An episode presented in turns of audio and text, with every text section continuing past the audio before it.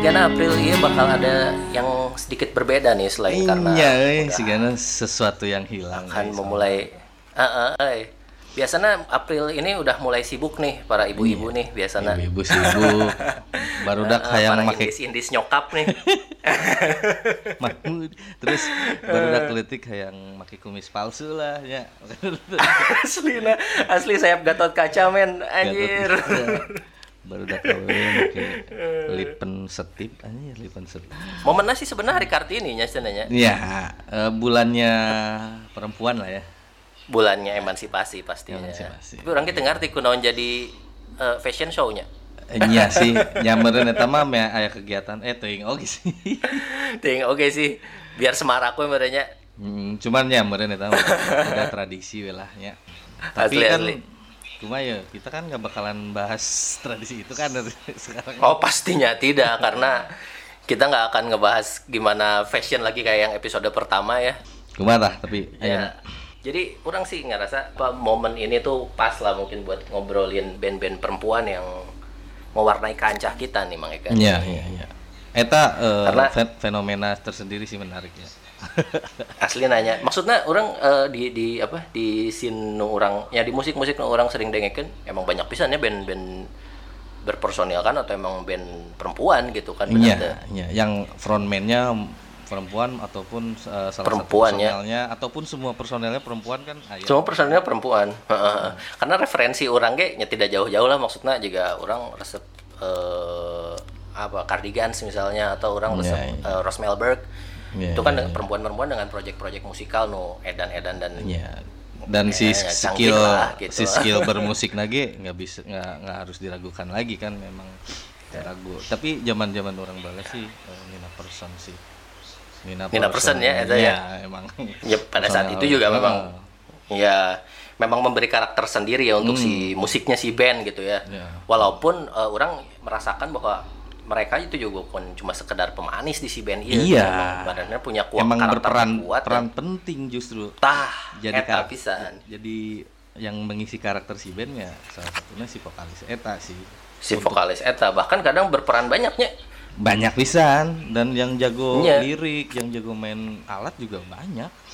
Sekere-here bareng mah no aamisna gitu kan. Jadi kan emang lebih lebih lebih estetik dan enak dilihat gitu kan ketika ada band personel perempuan teh gitu. Kancah Bandung ge Iya. ada nih. Ada. Pionir bukan personil mungkin tokoh-tokoh Iya, kancah tokoh- perempuan gitu. Perempuan Salah satunya Teh Uci dari Kubik Heeh. dan ya band yang barengan di era itu kan ada juga Cherry Bombshell gitu. Coba. Nah ngomong-ngomong yang nama yang kedua nih, ya kita Hmm. kebetulan nih berkesempatan buat ngobrol-ngobrol sama salah satu personilnya. yang sebenarnya agak-agak underrated lah boleh ya mungkin nggak nggak banyak Wah, orang buat- ngeh. Buat orang sih beliau sempat jadi mitos ya karena banyak pisan cerita tentang dia. Wah lu tetapi harus kenal iya ini. benar Tapi info tentang dia teh minim nggak sekali ya sih. nggak banyak Minim ya, minim ya. minim minim Makanya sekali. akhirnya orang orang segan oke sih ketika ya di proses pembuatan Bandung Pop Darling orang tidak sempat bertemu dia ya karena ya, orang tanya mau di mana ya harus sedang menghubungi apa, siapa bertemu- gitu kan harus menghubungi siapa orang tanya karena orang ngerasa ya untouchable ya si beliau ini iya gitu. iya iya sih Mang Ega mungkin punya pengalaman dengan Orang- tamu kita nih orang mengakui dan orang bakalan susah untuk objektif sih Gena kalau di sini karena Aduh. itu itu ter- ter- termasuk teenage crush man bisa bisa Ka- makanya akhirnya ketika kita berdua memutuskan untuk eh, mendatangkan tamu kita yang ini nih kita juga segan ya edan. awalnya ya Edan, edan sih Makanya. segan.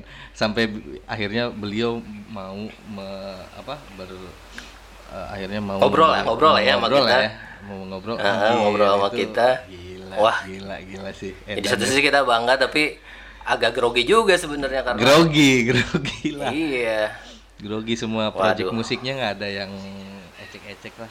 Semua proyek musiknya Iya. itu ajaib. ya mungkin kalian udah bisa menebak kita di sini bakal ngedatengin Ya. Alexandra Wisan Alexandra Wisan gitu. ya beliau adalah vokalis Cherry Bombshell pertama dia MK1 lah ya.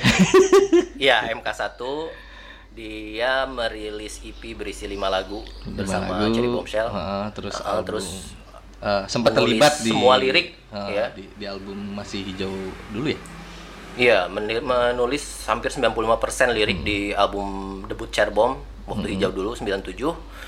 Terus, Terus 99 dia membentuk project musik Sif Sif. dan beberapa featuring seperti Featuring. lagu Cyanida dan uh, Milo ya? It's Evolving ya, bareng The Milo, uh, bener. Terus jadi vokal latar juga di pop minor, Seringai dan di Getah, Iya. band Getah tuh. Nah, itu Wah band, ini apa band, trash ya itu ya. Band band Pionir juga itu. Pionir, pionir, pionir. Oke deh kalau gitu langsung kita sapa aja kali emang ya. Siap, langsung kita sudah terhubung dengan Dengan Teh uh, Sandra lah kita manggil Teh Teh Sandra. Sandra ya. Kita manggilnya Teh Sandra ya, karena kalau kakak kayak pramuka kesannya nanti. Oke deh kalau gitu. Halo Teh Sandra, apa kabarnya? Halo Irfan, apa kabarnya juga? Iya, baik Terima juga, kasih. Ini ini Selamat saya pagi uh, sama semuanya. Ega nih Yes. untuk, untuk Pop Darling.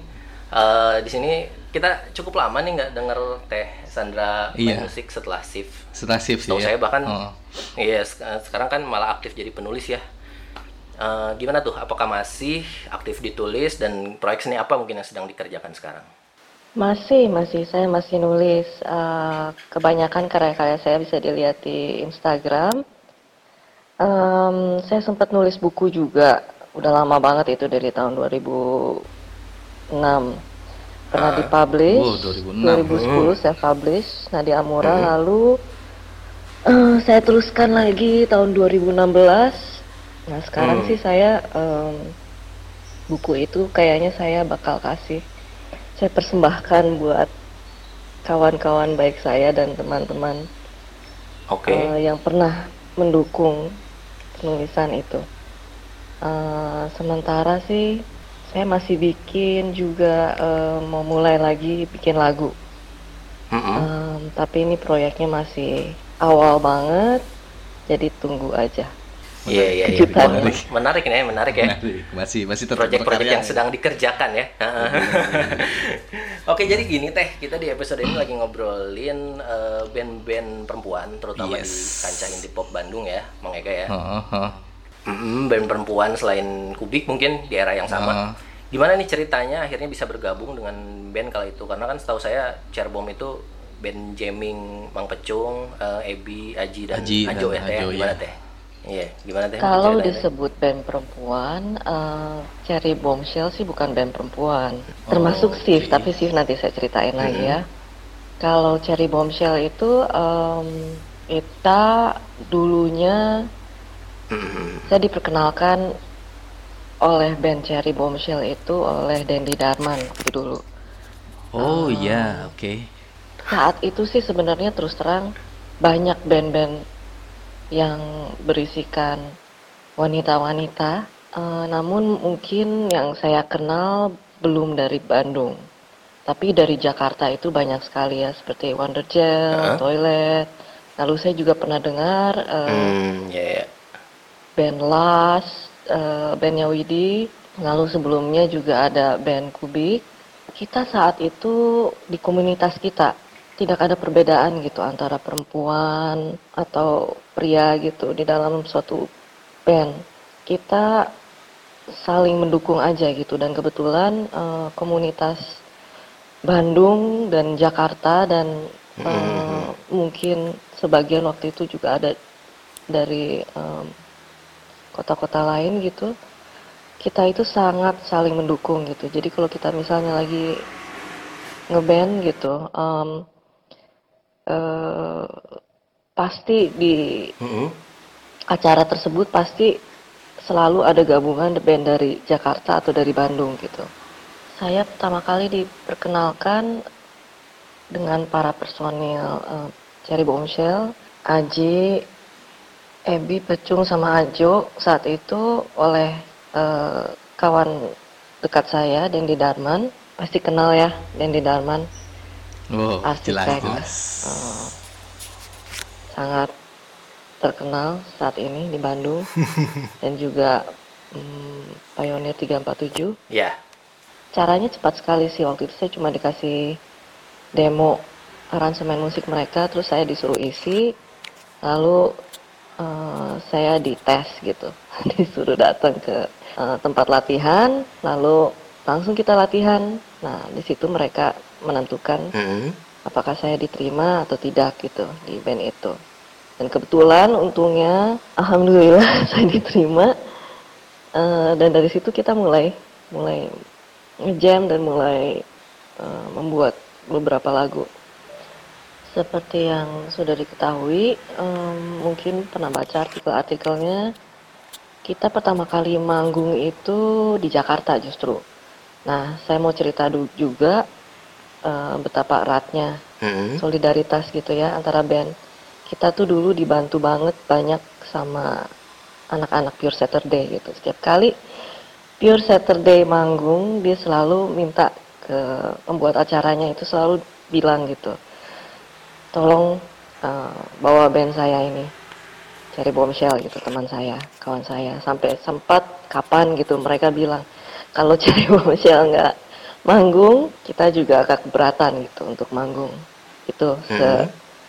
sedekat itu se solidaritas itu. Bahkan um, saat itu juga um, mungkin anda udah kenal dengan Aryan personil saat itu masih Pupan ya. Oke. Okay. dia itu setiap kali ada acara acara uh, kita manggung pasti dia datang. Ke Jakarta dia pasti datang. Jadi nggak cuma dari komunitas band-band semacam kita hmm. gitu yang sealiran kita gitu tapi dari anak-anak hardcore juga banyak sekali yang mendukung gitu. Jadi seerat itu gitu. Jadi nggak ada saat itu sih aduh nggak ada ya yang namanya cewek cowok gitu uh, perbedaan gitu. Ah band cewek nggak ada tuh. Itu semua sama. Uh, terus teh mau tanya uh, katanya sebelum si si Cherry Bombshell ini sebelum memakai nama itu sempet make apa nama lollipop ya? Lollipop iya bener iya, lollipop, lollipop. tuh. Iya betul. Itu karena kita di push saat itu kan kita harus manggung. Nah saat itu kita belum itu kejadiannya lucu sekali itu. Jadi kejadiannya itu kita di dalam di dalam mobil bersama, eh kita belum ada nama band, namanya apa? Itu ribut sekali waktu itu, saya lupa bagaimana ceritanya, tapi kocak sekali. Kalau nggak salah um, um, Ajo yang yang yang mengeluarkan itu, Loli, lollipop aja lah gitu, dengan bahasa Sunda kentalnya. Jadi akhirnya um, keluar nama lollipop saya sempat protes saat itu ngomel-ngomel banget tapi ya akhirnya ya keluar dengan nama lollipop itu tapi cuman untuk uh, satu kali manggung setelah itu kita udah oh, okay, okay, udah okay. dapat nama yeah, Cherry yeah. Bombshell dan nama Cherry Bombshell itu kalau mau tahu itu uh, yang mendapatkan itu uh, almarhum manajer kita oh ada yang muslim yeah, yeah, yeah, jadi yeah, bukan yeah. dari personil, personil ya, tapi dari manajer kita saat itu uh, sempat juga mau um, ambil dari salah satu uh, musiknya uh, judul musiknya Bjork Ish, tapi iya, untung iya. Eh, nggak iya. uh, jadi. Jadi akhirnya cari bombshell. Wah wah ini ini fakta baru nih. Ternyata uh, sempet sempet kepikiran mau pakai jadi judul lagunya Bjork ya? Bjork ya nah, tapi yang mana nih? Jadi penasaran ya. Jadi oh, iya bener ya. Karena yang band yang lain juga ada yang menggunakan Bjork ya Iya benar, tapi berarti berarti si si nama lollipop ini cuman cuman dipakai manggung cuman sekali berarti ya. Hmm. Nah dari dari si dari si i, momen itu ke ke IP itu jaraknya. Oh iya tuh. Gimana, tuh ya jaraknya tuh? Salah saya koreksi tadi uh, lagu Sugar Cubes. Jadi oh, dari iya, Bjork okay. sebelumnya. Delicious Demon jadi bukan homogenik ya. Oh. Sayang tuh harusnya okay. kita kasih nama homogenik. Uh, itu pertama kali kita manggung uh, dengan nama Lollipop. Mm-hmm. Lalu jarak ke IP sehingga saya sih tidak jauh. Kita kita cukup aktif saat itu. Saat itu mereka uh, maksudnya uh, personil-personil Cherry Bombshell yang lain, mereka langsung bikin aransemen musiknya langsung kasih ke saya. Saya biasanya kira-kira dua tiga hari gitu udah selesai langsung.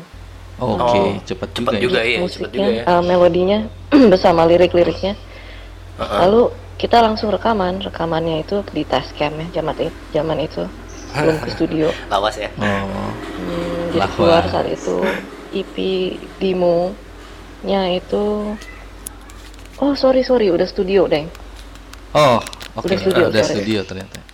Sorry saya lupa agak lupa Ya, nih, Teh. tapi udah santai, studio. santai, santai.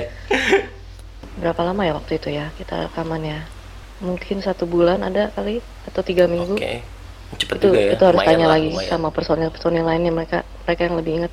Eh, tapi yang saya lihat nih teh, justru yang saya perhatiin dari beberapa karya Cerbom di era awal itu kan Teh Sandra tuh sangat lirikal gitu. Nah, apakah fokus Teh Sandra cuma un- untuk lirik atau emang arahan musik juga ikut tuh gitu gimana Teh? Saat itu untuk mayoritas eh, lagu Cherry Bombshell, saya fokusnya memang di melodi dan lirik ya. Hmm, iya iya iya. Eh, mereka aransemen musiknya, jadi yang ngasih chord-chordnya gitu. Mm-mm. Em, tapi ada satu lagu single Super Ego ya. Oh. Super Oh, iya, Ego iya. itu Masih saya ingat yang banget. bikin. Aransemen eh, bukan aransemennya, eh, chord dasarnya musiknya. Lalu dari situ mereka kembangkan. Waktu itu juga saya bikin eh, beberapa sampel Mm-mm. di musiknya. Nah, Super Ego juga, jadi eh, cukup banyak perannya waktu itu saya di satu lagu itu aja. Sisanya sih mereka yang bikin chordnya sama chord musiknya sama aransemennya. Saya Oke. fokusnya di melodi dan lirik. Oh iya iya. Oh, Oke, jadi si Super E- Ego, Ego itu ya, Super emang, Ego. eh, si materi dasarnya itu Cassandra yang bikin ya. Jadi spesial lah ya. Terus kalau eh, eh, ini ada pertanyaan lagi eh, jadi dalam membuat musik itu kan pasti orang ada referensi ya. Oh iya benar benar benar. Si eh, kalau Tesandra sendiri saat garap karya-karya Cherry Bombshell itu eh, apa aja tuh referensinya dan bagaimana cara apa proses mendapatkan eh, referensi itu karena kan saat itu era internet belum begitu Iya juga ya kayak ya. sekarang ya Iya, masih bener, terbatas bener. akses informasi apa dapat dari tongkrongan dari majalah Nggak order ya. order Ah. atau atau parabola mungkin Iya, saat itu hanya ada em, channel.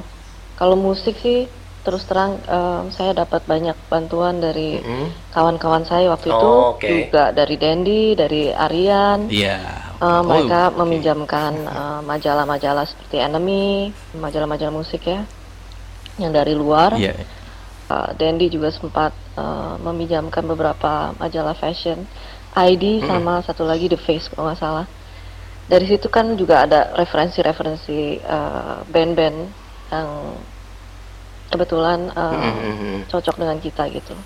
Sisanya ya kita beli kaset, kita beli kita dengerin kaset atau CD gitu, terus uh, trial and error lah ya, nggak bisa dicobain kayak sekarang YouTube gitu atau di iTunes kita cobain play musiknya.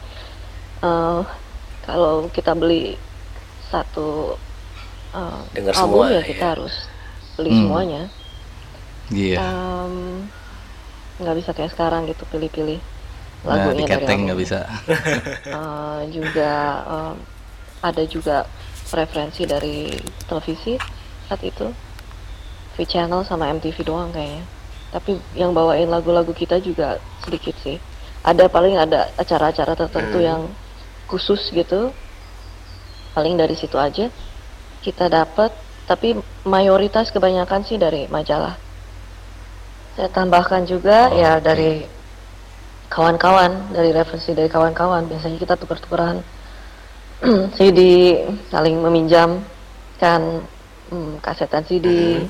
saat itu juga saya berkawan baik sekali dengan uh, Uci Oh, personil iya. Kubik jadi dari dia juga saya dapat banyak sekali informasi lagu-lagu yang cocok dengan saya dengan eh, selera musik saya juga dari tentunya dari personil-personil cari bombshell sangat banyak sekali eh, kita saling tukar menukar informasi Mhm. mengenai musik-musik yang, bisa jadi referensi kita untuk eh, bermusik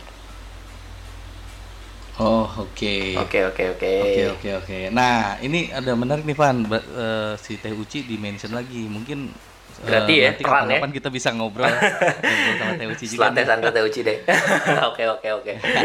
Oke dan setelah itu kan lalu Teh Sandra tahun sekitar 96 ya kalau nggak salah berangkat ke Hong Kong. Mm-mm. Nah saat momen itu terjadi karena harus pergi, apakah eh, materi buat debut albumnya Cerbom itu udah udah siap, Siap, atau iya, udah iya. dalam eh, eh, udah dalam fase mana gitu?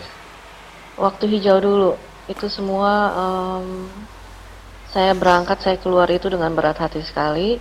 Oke. Itu pas saat kita udah mau mulai rekaman, udah mau masuk studio, jadi materi sudah rampung semuanya. Eh, aransemen bersama bersama melodi dan lirik itu sudah rampung semuanya. Jadi tinggal masuk. Itu berat hati saya, berat hati sekali saya. Waktu itu meninggalkan band. Waduh. Tapi ya Iya sih. demi em, saya mencoba untuk mencari pengalaman di bidang fashion jadi saya magang Iya iya. di Hong Kong untuk Pasti ya. selama satu tahun sebenarnya bukan tahun 96 eh, tahun 97 Oh sampai oke. 98 Iya iya iya. jadi tahun 96 saya masih dicari bomsel waktu itu Oh ya berarti emang si jaraknya itu udah Udah. udah emang udah di masanya udah sangat dekat sama Ya materinya udah bisa dibilang ya. udah siap banget ya Ah, waktu itu. Iya, dengan waktu rekaman udah iya sudah sangat dekat waktunya dengan rekaman terus eh, iya Teh Sandra juga terlibat dalam apa hal mencari mencari vokalis pengganti kan? Nah itu bisa diceritakan nggak? Kayak gimana? Em, waktu itu saya kita cepat ya saya bilang justru saya yang bilang waktu itu saat saat itu Aju sedang berpacaran dengan Widi saya bilang Oh, gimana dengan oke. pacar kamu aja Widi? Soalnya suaranya bagus terus begitu dia juga bisa main uh, alat musik gitu kan. Jadi uh, bisa membantu cari bombshell dalam uh, membuat uh, musik di kemudian hari. Eh, sempat waktu rekaman saya masih sempat datang waktu itu. Widi sudah rekaman. Saya sempat datang ke studio gitu ketemu dan uh, nonton mereka rekaman. Berat Aduh. memang. Aduh. saya pengen banget saat itu. Saya yang di depan mikrofon. Tapi ya saya relakan saya ikhlaskan aja. Ya lalu di tengah rekaman saya berangkat ke Hong Kong. Jadi kaset itu di saya terima saya sempat di- eh, dikirim kasetnya di Hong Kong Eh, sudah jadi saya bahagia sekali jadi itu saya anggap tetap itu album saya iya Hmm. jadi kalau ada orang nanya "Eh, berapa album yang anda bikin bersama Cherry Bombshell, saya nggak bikin nggak bilang satu album EP. Karena perannya saya ya, bilang dua album. Iya. Karena itu albumnya sangat sangat dekat Iyalah, sekali pasti. di hati saya. Em, judul Waktu Hijau dulu pun diangkat karena mm, itu lagu paling favorit yang dari seluruh album yang saya suka. Oh iya iya iya. iya. Jadi eh, itu persembahan eh, mereka buat saya. Bukan persembahan apa ya sebutannya. Kalau bahasa Inggrisnya eh, ode, Oh, Auto. oke out Oke. ya semacam itu. Jadi wah kebayang momennya makanya kayak kayak gimana pergulatannya waktu itu. Tapi eh, pantas ya, maksudnya obrolan eh, kita sebelum tag podcast ini sempat ngobrol juga sama eh, Teh Sandra kalau Hmm, bahkan ada catatan khusus dari kaset yang dikasih sama almarhum Kang Ade Muslim. Oh, buat Teh iya, Sandra iya. ya, Eh, kalau boleh diceritain mungkin apa nih catatan yang membuat rekaman pertama itu menjadi semakin penting buat Teh Sandra mungkin. Iya, zaman itu kita masih menulis saling tulis menulis surat ya. Ditulis tangan lagi, saya ingat sekali itu. Ya, almarhum Ade Muslim em, beliau menulis ya waktu judul lagu Waktu Hijau dulu itu em, itu dipilih karena sebagai nama album karena itu lagu kesukaan saya.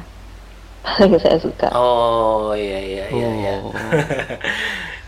Seru-seru. Oke Teh, jadi Seru-seru. setelah itu kan 98 di Hong Kong, balik nggak lama bikin shift gitu kan. Nah, itu eh, gimana tuh? Iya, begitu pulang kita langsung bikin shift. Juga saat itu em, personil dari The Milo ya, em, eh, sa- sorry, eh, salah satu personil dari Cherry Bombshell yang eh, mendirikan band The Milo, Aji Gergaji. Dia saat itu dia Iya, bilang, iya, aduh iya, kasihan sekali Oh, kamu iya. San. Dia melihatkan saya lagi luntang lantung gitu, nggak ada band. Kamu isi ya salah satu lagu dari eh, dari band saya. Habis itu eh, ya uh, kita mendirikan SIF. Um, saya Regina Rina dengan kakaknya Richard Risa. Iya. Terus itu gimana teh cerita waktu bikin shift kan ide awalnya, inspirasinya karena format musiknya pun mungkin di era itu relatif baru ya, apalagi di Bandung kan. Iya sih. Iya. Iya. Nggak nggak nggak Wah, banyak lah maksudnya. keren. Terus terang alasannya sama juga karena saya masih sangat passionate sekali ya untuk uh, bermusik. Sebenarnya passion dalam hidup saya itu bermusik. Jadi Oh um, iya iya iya. saat itu saya masih pacaran sama Richard Risa dan dia lihat, aduh, uh, kamu bikin band aja sendiri deh, saya bantu. Jadi dia bikin aransemen musiknya semuanya, Uh, dia bikin lagu-lagunya ya seperti biasa saya isi melodi sama liriknya. Lalu saat itu um, kebetulan Rina, uh, Regina Rina juga Rina, um, dia saya ajak untuk uh, mengisi bermain piano dan uh, uh, mengisi gitar, sampel dan juga uh, vokal saat itu. Hmm, oke oke oke. Karena Richard Risa suka sekali uh, elektronik saat itu, jadi dia uh, bereksperimen, lalu dia kasih materinya ke saya, lalu saya dengarkan, saya bilang cocok. Jadi Mm-mm. jadilah itu musik-musiknya sih. Wih, seru-seru. Saat itu juga saya uh, ingin um, format lagunya um, berbeda dengan waktu saya dicari Bombshell. Saya pengen sesuatu yang baru. Jadi tentu saya ganti, saya cari lagi gitu um, cengkok suara saya yang lebih cocok untuk saat itu. Iya iya iya. Jadi uh, tentu kalau dengar Steve sama Cherry Bombshell cukup berbeda Beda ya teh. alirannya. Iya beda. Iya. ah, beda banget sih. Si- Iya, iya. Apa? Shift itu lebih dark gitu kan, gotik Iya banget. gitu kan. Kalau lihat beberapa foto-foto pas Shift manggung itu juga gak apa eh, gaya penampilannya tuh cukup vertikal dan kental nuansa fashionnya gitu kan. Bener-bener. Keluar banget lah fashion banget khas apa apokalips. Apokalips Records, Apokalips Nah, Records. Iya. nah, sebenarnya itu yang yang mengarrange semua itu apakah itu rancangan siapa gitu, yang bikin siapa, yang buat wardrobe-nya gitu. Heeh. Gimana tuh? Saat itu em, kita nggak nggak nggak mau mengarah ke teatrikal, cuman saat itu kita memang senang lagi senang sekali eh, fashion dan ingin berekspresi, Hmm. em, oh, oke. mengeluarkan fashion sense kita aja saat itu sehari-hari juga Oke. kita dandanannya hitam hitam seperti itu. Oke. Karena kebetulan eh, saya juga ada clothing line kan. Jadi eh, saat kita manggung biasanya eh, Rina merancang eh, pakaiannya lalu saya juga merancang pakaian saya sendiri lalu ya kita kita kita buat gitu di sebagian dari clothing line saya sebagian juga dari pribadinya eh, koleksi pribadinya Rina saat itu kita Oh, hanya ingin Mhm. Em, ya namanya anak muda ya ingin mengekspresikan eh, Anak muda. Fashion sense kita jadi kebetulan saat itu eh, sehari-hari pun kita bisa dikatakan berdandan seperti itu Oh iya, oke. Terus eh, apa sih yang akhirnya eh, saat itu membuat shift Udahan ya karena nggak lama akhir ya. gitu. Iya nggak lama. Ah, nggak nggak lama rentang waktu hidupnya saat itu. Itu gim- Gimana teh? gimana? nggak ada hal khusus yang membuat shift berakhir Em, kebetulan kita ada masing-masing ada kegiatan kita masing-masing yang eh, membuat akhirnya kita memutuskan untuk mengejar eh, yang lain selain eh, bermusik ini. Jadi akhirnya ya Oh, Sif nggak bisa dibilang berakhir juga ya. Kita se- semacam berhibernasi berbelas-belas tahun. Em, berpuluh tahun 20 tahun kali tapi eh, setiap kali saya ketemu Rina kita selalu bilang eh, kapan kita kalau ada waktu lagi kita mulai Waduh. eh, membangkitkan Sif Wah. kembali jadi nggak nggak berakhir ah, Sif. ini Ini ini yang ditunggu nih. kita berhibernasi dengan waktu yang sangat cukup lama. Iya, ditunggu ya makanya ya kalau gitu ya. Berarti Uh, ditunggu banget. Amin, amin. Terima kasih.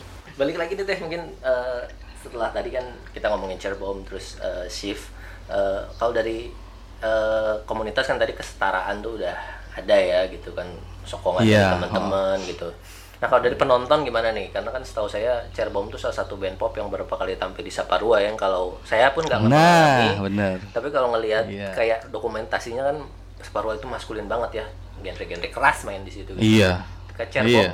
gimana mungkin teh Kalau dari penonton, waktu kita manggung di Saparua sih kebetulan eh, penontonnya juga eh, seperti saya bilang gitu, yang nonton eh, musik ada banyak gitu yang eh, senang musik hardcore dan juga eh, musik eh, aliran seperti kita gitu, eh, shoegaze dan lain-lain. Jadi eh, eh, selera mereka juga eklektik gitu. Kan eh, Oh, tadi saya juga bilang oke. eh, orang-orang semacam em, dari band-band hardcore atau punk gitu eh, banyak juga yang menonton band-band seperti kita jadi dalam satu acara mungkin bisa macam-macam juga gitu em, band-bandnya jangan lupa waktu itu ada kompilasi eh, masa indah banget sekali pisan dan Oh, iya. eh, Iya. kompilasi juga Ticket to Ride dari Apple. right Hmm, iya. Eh, band-bandnya juga di situ eklektik gitu. Jadi bisa dilihat Iya sih. bahwa eh, komunitas ini nggak cuman eh, berfokus dalam satu genre aja gitu. Banyak sekali dari jenis-jenis musik yang berbeda. Nah, iya bener. Jadi walaupun ge- genre musiknya beda, tapi kan mereka tuh berada di sebuah apa ya? melting pot kali ya. iya iya iya benar benar Kalau udah masuk ke situ mah ya udah setara. setara gitu kan. semua Iya, Egaliter lah ya. Eh, Iya, egalitarian gitu kan. Ternyata emang dari zaman itu tuh udah ada ya, maksudnya si si environment persamaan, ke- kesetaraan tuh udah ada gitu kan. Walaupun kita tahu kan saat itu sin sin musik di Bandung itu masih ya masih berkembang Masih baru lah ya. tumbuh Ah, gitu baru kan. tumbuh. Ah, baru grow up gitu kan. iya gitu ya Gimana tuh?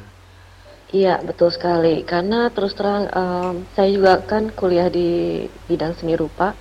Di seni rupa itu pun Oke. juga kita em, lebih eh, terbuka ya, lebih open. Jadi kita membuka wawasan kita gitu, tidak terpaku untuk satu hal gitu. Misalnya saya teknik eh, geologi, geologi, hore geologi eh, paling jaya enggak. Di situ eh, kita open gitu, kita open bahkan sampai anak-anak arsitek gitu. Jadi bisa dilihat juga, em, apalagi di bidang kita berkarya gitu, kita justru membuka wawasan kita gitu, open gitu terhadap segala hal. Mm-mm. Eh, kita menerima, kita rangkul, eh, ada hal baru kita dengarkan gitu.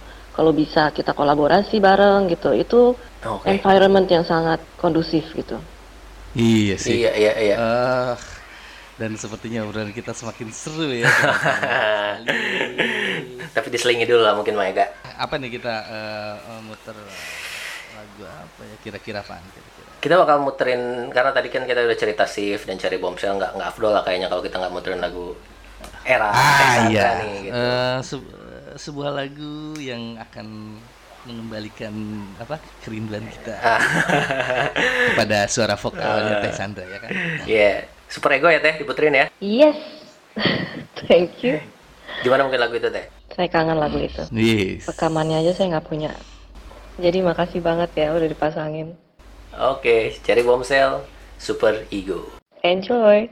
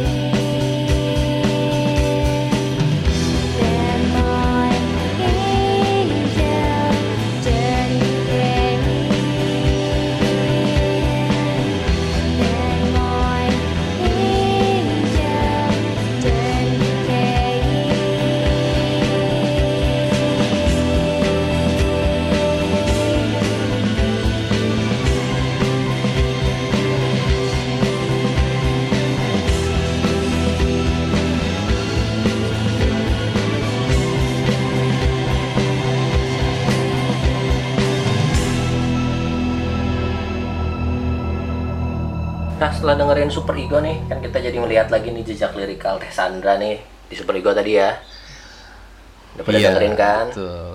Nah, kalau kita lihat di EP juga kan 11 dari 12 lagu yang ada di debut Waktu Hijau dulu ini ditulis oleh eh, Teh Sandra. Di antaranya juga Iya. eh, Teh Sandra dan Pecung kalau nggak salah. Dan di Sif juga Hmm. kan. Terus yang eh, Dia eh, jadi perhatian saya justru adalah lirik yang esoteris ya, yang kadang maknanya ini apa Iya. gitu. Puitis tapi kadang Iya, kita benar. juga berpikir ini cerita tentang apa ya gitu. apa sih gitu kan? Nah. Aduh, bingung tapi pengen tahu gitu. Saya pengen tahu Penasaran. gitu. Nah mungkin teh eh, ketika menggarap lirik-lirik ini eh, apa sih bercerita tentang apa gitu? Em, perkembangannya sih terus terang dari Cherry Bombshell ke Sif juga ke eh, The Mi- eh, saya mengisi The Milo Mhm. itu eh, tentu berkembang berbeda sih kalau saya kayak saya rasakan kalau di Cherry Bombshell masih seputar teenage angst Mhm. walaupun saya udah nggak teenage lagi tapi eh, mental age saya masih teenage saat itu lalu di Sif saya sudah mulai belajar yoga Oke. jadi tentu ada unsur-unsur spiritual di dalamnya Oh iya iya iya iya. Dan waktu The Milo, The Milo ya jelas, The Milo eh, sama juga Eh, melodi sama lirik eh, saya yang buat. Mhm. Eh, kebetulan kalau di The Milo yang Yancy Evolving memang em, sifat spiritual, tapi kalau yang eh, Cyanida itu itu lagunya saya tujukan waktu itu saat itu untuk pasangan saya saat itu. Waduh. Em, karena waktu itu kita jauh, Heeh. saya di Hong Kong jadi di, dia di di Bandung saat itu jadi em, waktu dia sedang merayu saya dengan rayuan sianidanya saya terpukau jadi itu lirik yang em, tersanjung lah ya saya jadi itu liriknya sianida tentang itu Oh Em, iya. kalau iya. di Hmm. Sif sendiri liriknya lebih ke arah masih ada teenage angst-nya juga di beberapa lagu ya Heeh. kemarahan karena saya menyimpan kemarahan begitu banyak saat itu sekarang sudah tidak tapi eh, sisa-sisanya ada yang spiritual seperti di Biara lalu ada beberapa lagu yang belum keluar dari di album Eh, sisanya itu isinya spiritual semua sih Oh iya iya. Jadi si Ananda itu lagu cinta ya teh? Karena selama ini saya mikirnya terpuja Nah. rayuan si Anida itu. Ternyata ya. Aduh. Ternyata kira-kira itu lagu bunuh diri teh. ah kamu itu ya tapi nggak apa-apa interpretasi orang beda-beda ya Iya iya iya. tapi eh, ya maksud saya tuh racunnya em, kata-kata rayuannya itu ser- sangat beracun sangat seperti sianida gitu langsung bikin saya plek eh, pingsan gitu langsung mati gitu Uh. seperti hati saya terpanah Aduh. oleh panah yang sangat beracun seperti itu. Kira-kira seperti itu. Tapi itu lagu cinta, itu tuh lagu lagu jatuh cinta yang eh, lagu kangen, lagu Oke. rindu yang amat sangat dan ketika mm, rayuan Uh, dari kata-kata pasangan saya saat itu begitu berpengaruh jadi eh, saya buat lirik itu. Sebenarnya eh, waktu di eh, waktu lagu itu eh, saya buat sih eh, eh, liriknya sudah ada waktu saya di Hong Kong. Jadi waktu di Bandung saya eh, masukkan lirik itu ke dalam lagu di The Milo. Menarik sekali ya, menarik sekali. Oke, ternyata Ternyata ya, menarik sekali ini ya. menarik menarik oke nah cuman yang jadi bikin penasaran itu sebenarnya eh, dari mana sih inspirasi terutama dalam mengolah-olah kata-kata? Hmm, nah, nah, nah, benar. bikin jadi lirik di, di setiap lagu yang eh, Teh Sandra ciptakan gitu kan. Apakah ini apakah ini juga gitu yang bisa membuat Teh Sandra se- eh, sehingga aktif menulis terus itu sampai sekarang gitu kan tetap produktif menghasilkan karya gitu Kalau inspirasi saya dapatnya terus terang saya imajinasinya dari kecil eh, imajinasi saya sangat besar. Jadi inspirasinya saya dapat dari eh, imajinasi-imajinasi saya aja lalu saya coba tuangkan ke dalam kata-kata terus terang em, saya mengalami banyak sekali kesulitan untuk berbahasa Indonesia dengan baik dan benar. oh Jadi oke. ini salah satu terapi saya untuk eh, untuk berbahasa Indonesia lebih baik. Tapi kalau bahasa Inggris kayaknya jauh lebih jauh berbeda, jauh lebih lebih mudah dan lebih akurat.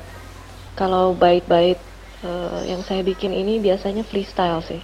Jadi eh, Oke. kebanyakan memang ada banyak yang hal-hal yang saya translate dari bahasa Inggris ke bahasa Indonesia. Jadi kadang-kadang suka terdengarnya agak-agak mm, berbeda sedikit gitu. Kalau menulis saya dari dulu em, senang sekali membaca buku, terutama eh, fantasi, jadi em, dan mitologi dan hal-hal eh, yang bersifat seperti itu. Jadi saya menulis itu karena memang saya eh, terinspirasi oleh begitu banyak karya-karya penulis-penulis yang saya kagumi.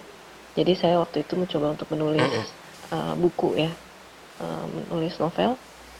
Kalau Oke. untuk puisi sendiri sih saya udah dari sebelum saya bermusik saya udah sering sering menulis puisi. Jadi itu tidak pernah berhenti. Oke. Nah teh, eh, oke deh sekarang mana dari lirik yang dibuat oleh Teh Sandra yang paling favorit, berkesan dan personal mungkin deh? Lirik yang saya paling uh, sampai sekarang saya masih cocok ya. uh, itu adalah lirik biara. Liriknya pendek Mm-mm. dan uh, saya juga sempat memasukkan caption itu ke novel saya. Masih di dalam di seputar waktu itu kejadiannya karena itu kejadiannya uh, tahun 98 ya. Uh, saya nggak mau political, tapi Mhm. saat itu cukup berpengaruh. Um, saya ingin pulang tapi saya tidak bisa pulang. Uh, dilarang oleh orang tua saya, Oh, jadi saya iya, iya, membuat iya, lirik iya. itu. Oke. Di mana saya kangen, eh, saya rindu sekali dengan tanah air dan juga dengan orang-orang yang dekat dengan saya. Eh, itu juga eh, bagian dari eh, kerinduan saya yang saya eh, kemas sebagian eh, agak spiritual gitu. Di mana saya mencari eh, sanctuary atau safe haven. Oke. Ya kebanyakan orang mencari sanctuary and safe haven itu kan di biara. Jadi eh, Biara, judulnya iya. biara.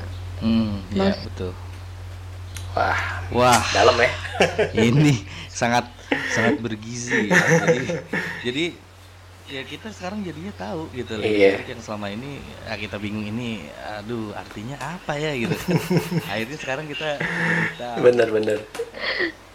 Oke, thank you. Semoga bisa banyak um, memberi banyak jawaban dari pertanyaan-pertanyaan Iya, yang iya pasti sebelumnya.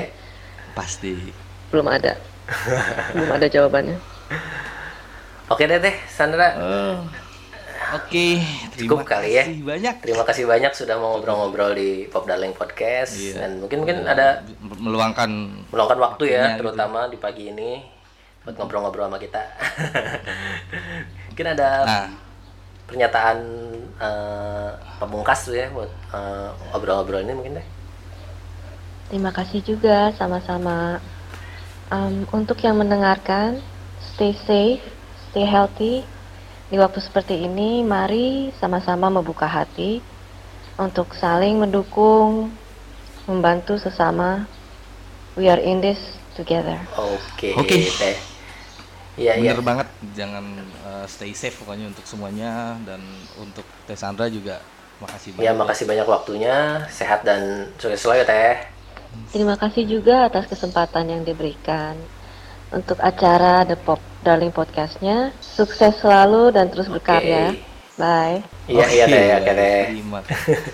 uh, Bye. gemeteran nggak gemeteran nggak Aduh, Mang. Berhasil juga, Mang. Aduh, nggak nyangka sih. mewawancarai Iya, salah iya, satu bisa, bisa. orang yang selama ini orang anggap mitos ya. Iya mitos ternyata eh, seru orangnya humble Humble juga dan kita dapat banyak informasi tentunya ya.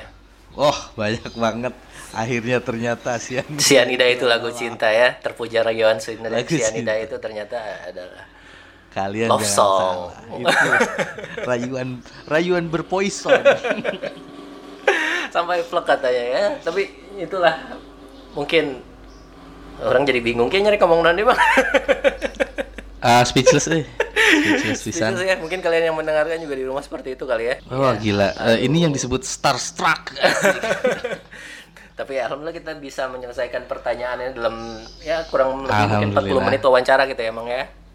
Iya. Oke, salah satu pencapaian di kita di episode ketiga nih.